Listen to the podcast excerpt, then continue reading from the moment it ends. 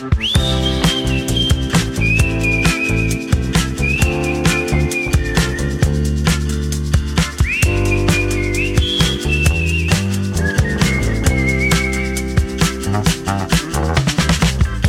Andreu! Hola, Sílvia. Com estàs? Bé, bé, bé. En forma ja. Molt bé. Escolta'm una cosa, has vist les notícies dels últims dies? Uh, sí. Mm, segueixo l'actualitat. Però a, quina, a quina notícia et refereixes? A la del millor pastisser. Home, i tant, el millor xocolater. Ah, xocolater, xocolater, Sí. és veritat.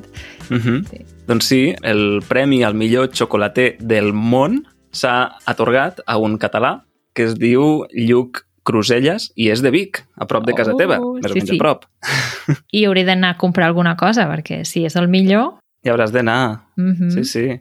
I és notícia, per un costat, perquè bé, doncs, ha rebut aquest premi tan important i perquè ha fet una obra espectacular. Qui la vulgui veure, o sigui, busqueu Lluc Cruselles, uh, World Chocolate, uh, Chocolate Masters, ha fet un elefant enorme de 3 metres, 200 quilos de xocolata, i, i amb això ha guanyat el premi. Mare meva. Però no només això, sinó que resulta que en aquest Premi Internacional, Lluc Cruselles representava l'estat espanyol, perquè per arribar a aquest concurs primer va fer, es va eh, seleccionar en l'àmbit estatal, no? Mm -hmm. I la qüestió és que quan va rebre el premi, les paraules d'agraïment que va dir no les va dir en castellà, tot i representar l'estat espanyol, sinó que ho va fer en català. Molt bé. I, de fet, eh, va dir això. Hola, hola, hola, Lluc. Què tal? Molt bé, ho sento, però ho farem català. Infinites gràcies a tots els que sou aquí, a tothom, a tothom qui s'ha sumat a aquest gran projecte. Perquè sabeu com ho he viscut, ha estat un any increïble, que m'he sentit ajudat per tothom. Ho hem fet, ho hem fet entre tots i res més a dir. Que ho hem guanyat i ho hem disfrutat tots, ho hem viscut. Hem passat un cap de setmana genial. Res més a dir, els que sou a casa també, els que sou a, a Riu Primer, a la Casa Cultura, gràcies per ser-hi també. A tothom, mil gràcies. Bé, la qüestió és això, no? Que va voler-ho fer en català, per tant, un doble aplaudiment des d'Easy Catalan. Bravo! Uh -huh. Ai, Molt bé. Per tant, els que tingueu el, la xocolata com a plaer culpable, doncs ja sabeu que a Barcelona, ai, a Barcelona, a Vic, hi ha el millor xocolater del món. I parlant de plaers culpables, tenim un àudio del Diego, que és aquell noi xilè que ens va enviar ja un missatge fa temps. I el Diego ens diu això.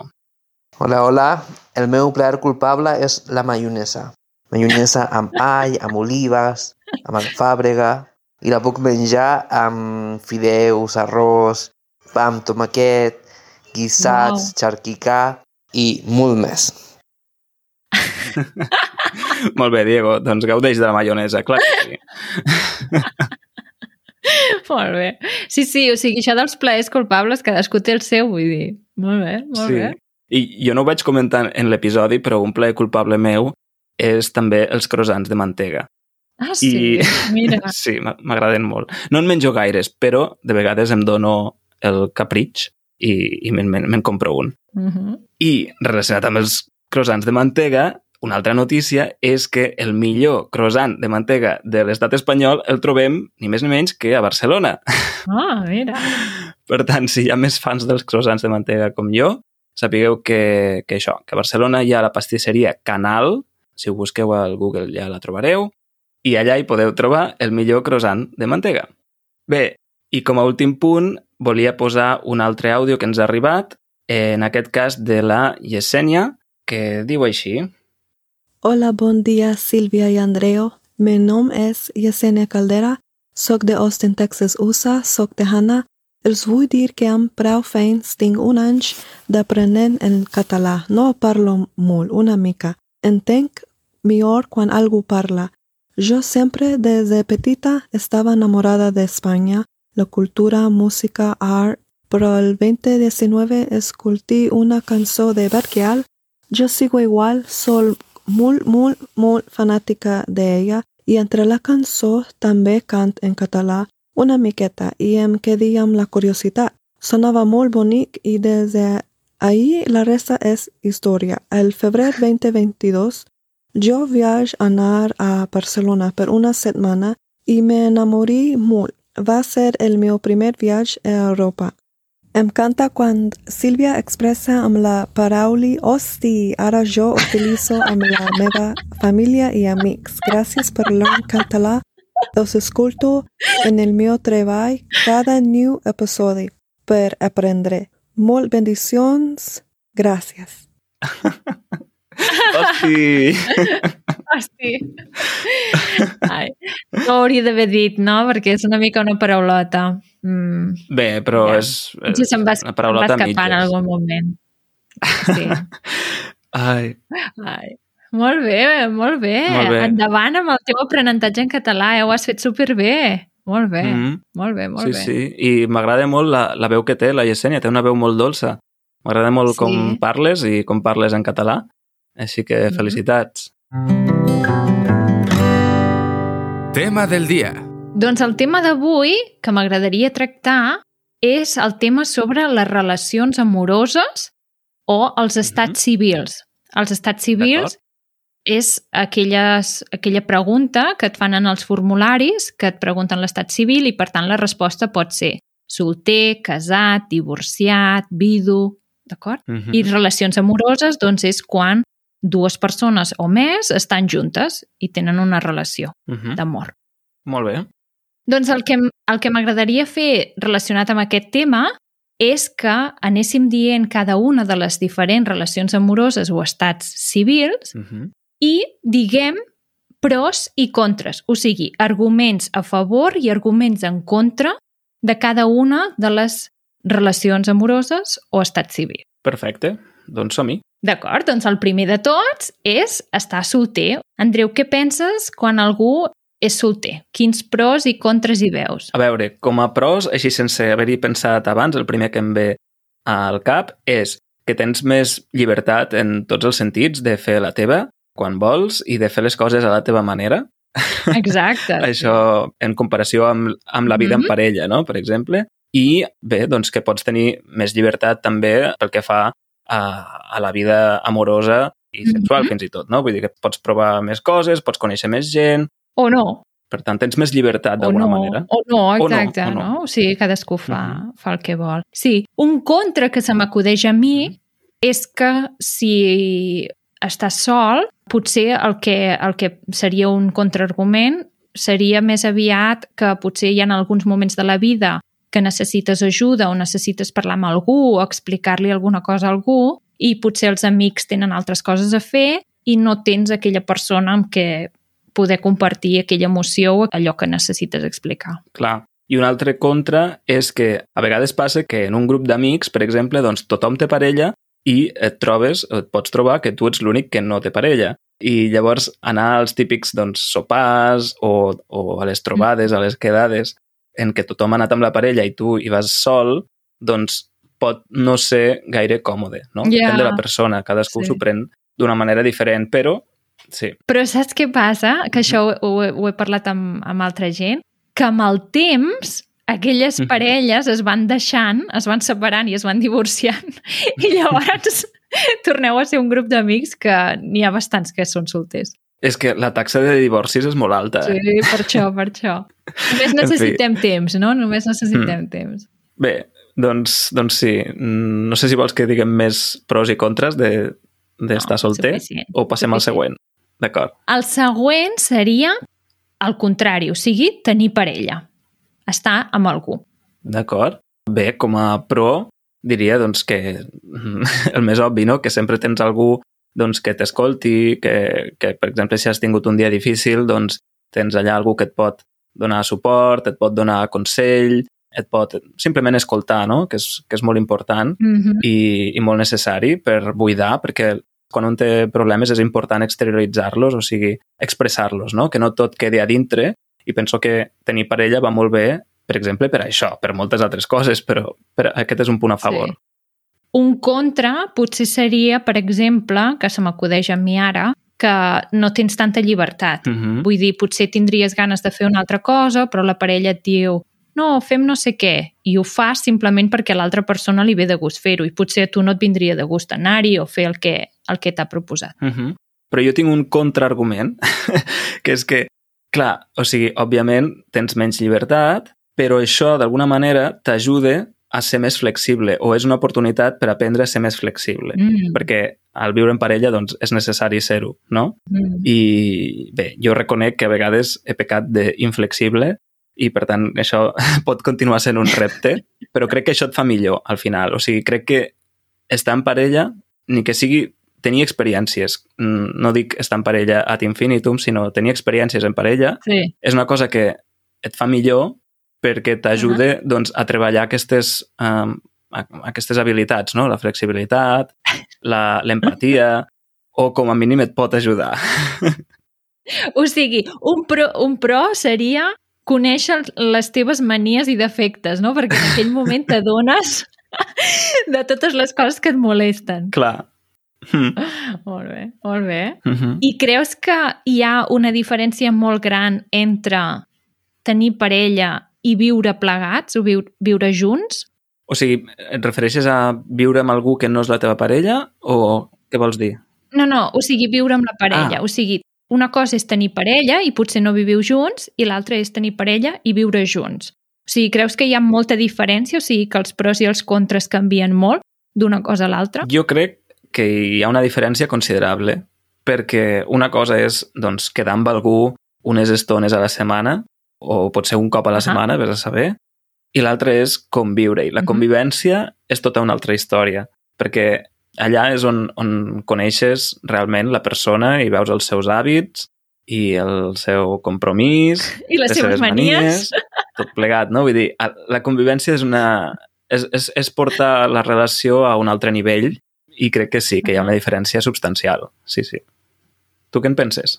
Per tant, el pro que jo hi veig més gran a viure junts és el tema de les factures, no? Poder pagar les factures a mitges. o sigui, que la llum no surti tan cara, que l'aigua no surti tan. Aquesta és una resposta molt catalana, eh?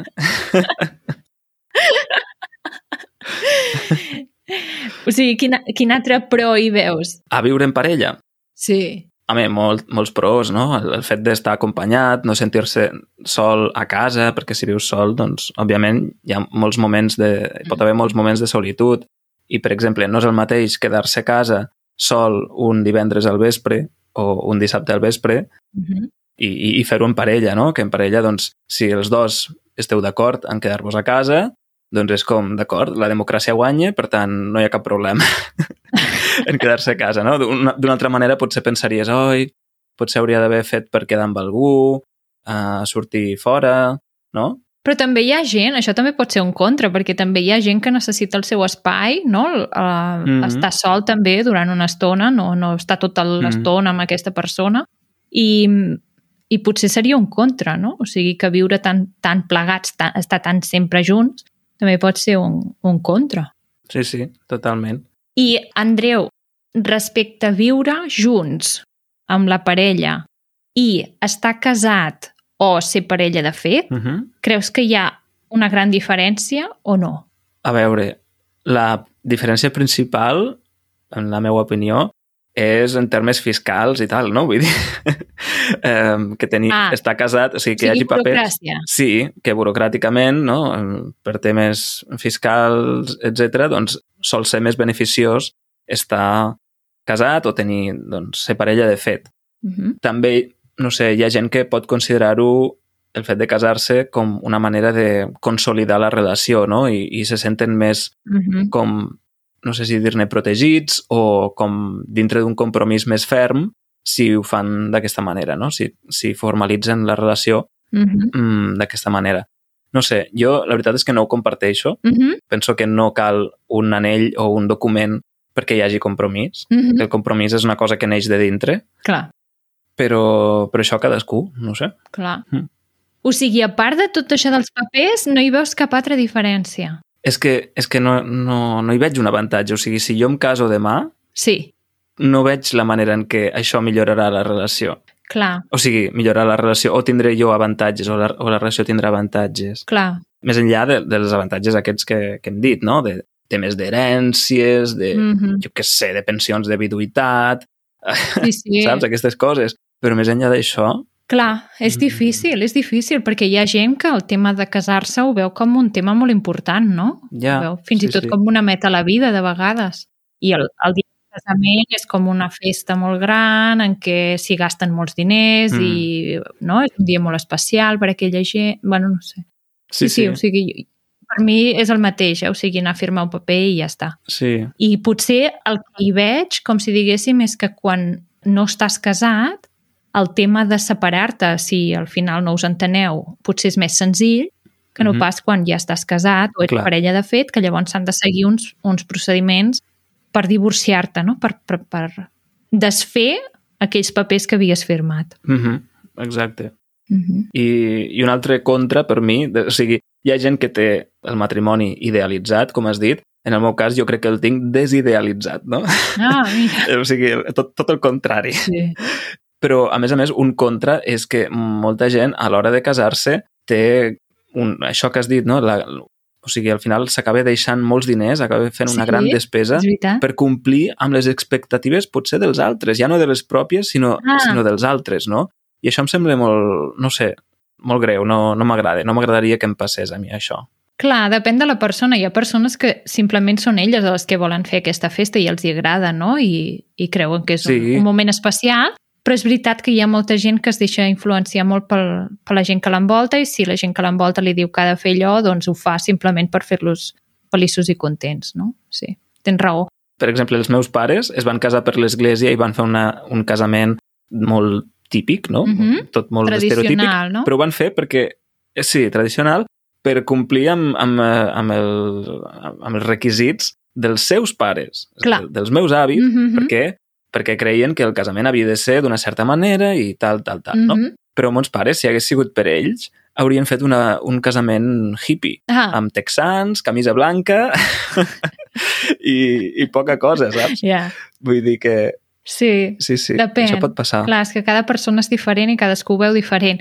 Un altre, però, que crec Mm. que és important al tema de casar-se, almenys des del meu punt de vista, és quan la parella tenen menors a càrrec, o sigui, tenen fills o han adoptat a, Mm. a, a, un, Sí. a algú, no? Jo crec que aquest tema és important també amb l'aspecte legal, eh? tornem a estar amb el mateix, però crec que quan hi ha canalla pel mig és important. No sé, no, no, no Mhm. conec molt Sí, bé raó. els, els aspectes, però si passés mai qualsevol cosa, que un dels dos es morís o alguna cosa així, doncs crec que seria important que hi hagués algun paper que validés que aquelles dues persones eren una parella i que el, la criatura doncs, és fruit dels dos. Clar, sí, sí, tens raó. No, no hi havia pensat perquè com que no tinc fills, doncs no hi he pensat en aquest punt, però sí, tota la raó. Però tornem a estar al mateix lloc, eh? Tornem a estar en el tema legal, o sigui... Sí, Molt bé. El següent que se m'acudeix és, per exemple, quan tens una relació uh -huh. a distància. Uh -huh. Què en penses de les relacions a distància? O sigui, jo a Chicago i tu a Austràlia. doncs, de fet, jo tinc experiència en, en, en una relació a distància, que la meva relació actual va començar sent a distància, durant Ah, ben mira. bé 10 Mhm. mesos.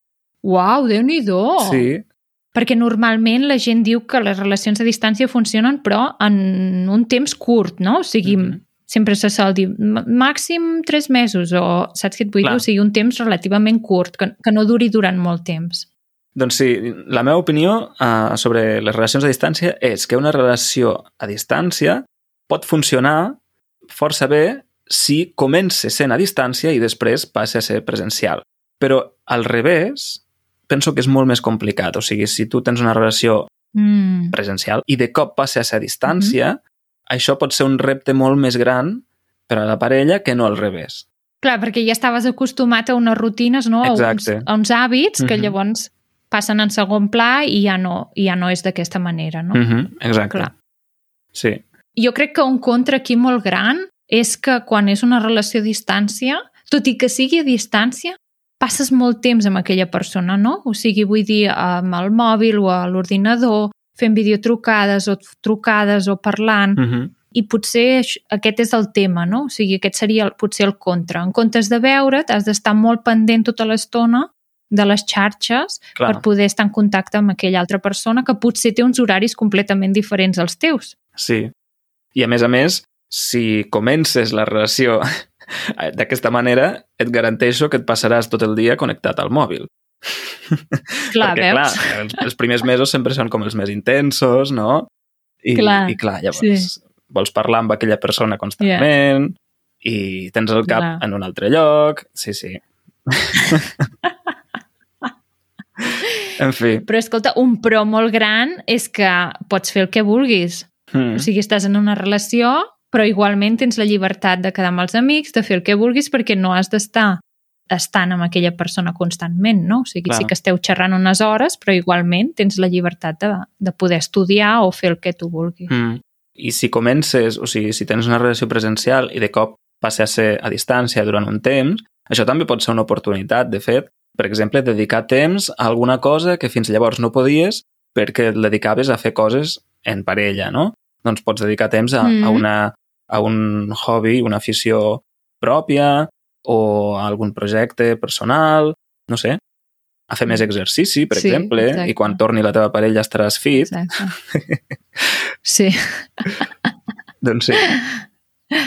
Per què no? Jo crec que un altre contra, que, bueno, que potser és un contra amb totes les relacions, no? però un altre contra també és la fidelitat i confiar molt en l'altra persona, perquè si estàs a tants quilòmetres de distància tampoc pots estar controlant aquella persona no? i sabent el, tot el que fa. Llavors has de tenir una confiança Mm que hi és en totes les relacions que hem dit fins ara, -hmm. Mm -hmm. però potser amb la relació a distància encara és una mica més accentuat. Clar. Sí, sí. Sí, en això tens raó. També pot ser un repte. Hm. Mm. Molt bé. Següent? La següent és una relació oberta. Mm. O sigui, tu tens una persona amb la que representa que tens una relació, però aquesta relació no està tancada, no sou nos vosaltres dos sols, sinó que cadascú pot sortir, liar-se, mmm, fer l'amor amb el qui vulgui. Mm -hmm. Jo penso que, penso que aquesta opció pot ser molt vàlida per a determinades persones, però per altres no. En el sentit que, bé, que, que hi ha gent doncs, que li pot convindre molt tenir una relació més flexible per, per no sentir-se esclavitzada, no? perquè hi ha molta gent que en una parella Exacte. estable se sent, Mm. se sent com amb les mans lligades, no? pel que fa Sí. a relacions Mhm. sexoafectives. Llavors, sí, per què no? O sigui, és que no està escrit en lloc que, sigui, que estigui malament fer això. Exacte. Vull dir, és totalment Sí. vàlid. El que passa que jo penso que si les relacions individuals, o sigui, de tu a tu, amb una persona només, ja poden ser complicades, el fet d'afegir-hi més persones en el, en el cercle, això augmenta la complexitat. Jo crec que la, la complexitat aquí la veig molt més amb el tema de que mm, els dos heu d'estar completament d'acord amb el tema de la relació oberta. Mm. Perquè de vegades una de les dues persones hi està d'acord i l'altra li diu que sí simplement perquè vol estar amb aquella persona i sap que si li diu que no, doncs ja no estaran junts. Clar. Llavors, aquí, aquí ja comencem malament. Vull dir, Sí, no? Els dos hi heu d'estar d'acord, heu de ser conscients del que representa això, perquè si no poden sorgir molts problemes, no? I, i és complicat llavors. clar. I penso que s'ha de ser molt flexible, molt obert de ment, perquè una cosa és dir-ho, però l'altra realment ser-ho. O sigui, No. dir, ah, sí, em sembla bé, Sí, em semblaria sí. bé provar-ho, no sé què, però potser tu en realitat no ets Mhm. tan obert de ment i tan flexible com et penses. Per tant, Mm. cal, no sé, per això penso que per algunes persones pot ser una solució perfecta i per d'altres mm, no és el més adequat. Molt bé, doncs encara ens en queden moltes, però si et sembla bé les continuem comentant en el bonus. Perfecte. Doncs abans d'això, recordem que aquest episodi ha comptat amb el suport del Departament de Cultura i del Departament de Treball de la Generalitat de Catalunya, per un costat, però també amb el suport de tots aquells que, que us heu fet membres de la comunitat amb qualsevol dels, de les subscripcions i bé, també doncs, volem donar-vos les gràcies i animar-vos als que encara no ho sou a fer-vos membres de la comunitat, perquè tindreu tota una sèrie d'avantatges que els hem comentat en episodis anteriors, però un altre motiu, avui que m'he estat donant arguments, no? Un altre motiu per fer-se membre de la comunitat és que si ho penses bé, al Discord, que és on ens trobem per practicar el català, ens hi trobem entre 3 i 4 vegades a la setmana, com a mínim, no?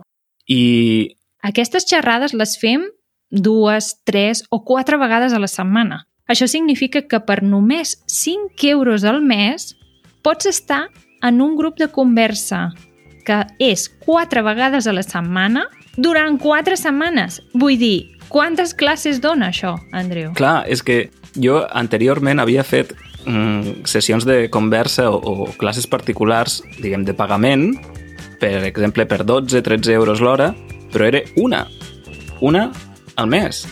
En canvi, mm. amb 5 euros, amb la subscripció bàsica, o 10, eur 10 euros amb la subscripció de podcast, teniu accés a totes aquestes sessions que organitzem al cap del mes. Per tant, pensem que aquesta és una bona oportunitat per vosaltres i, si voleu fer-vos membres, ho podeu fer a través de l'enllaç easycatalan.org barra membership.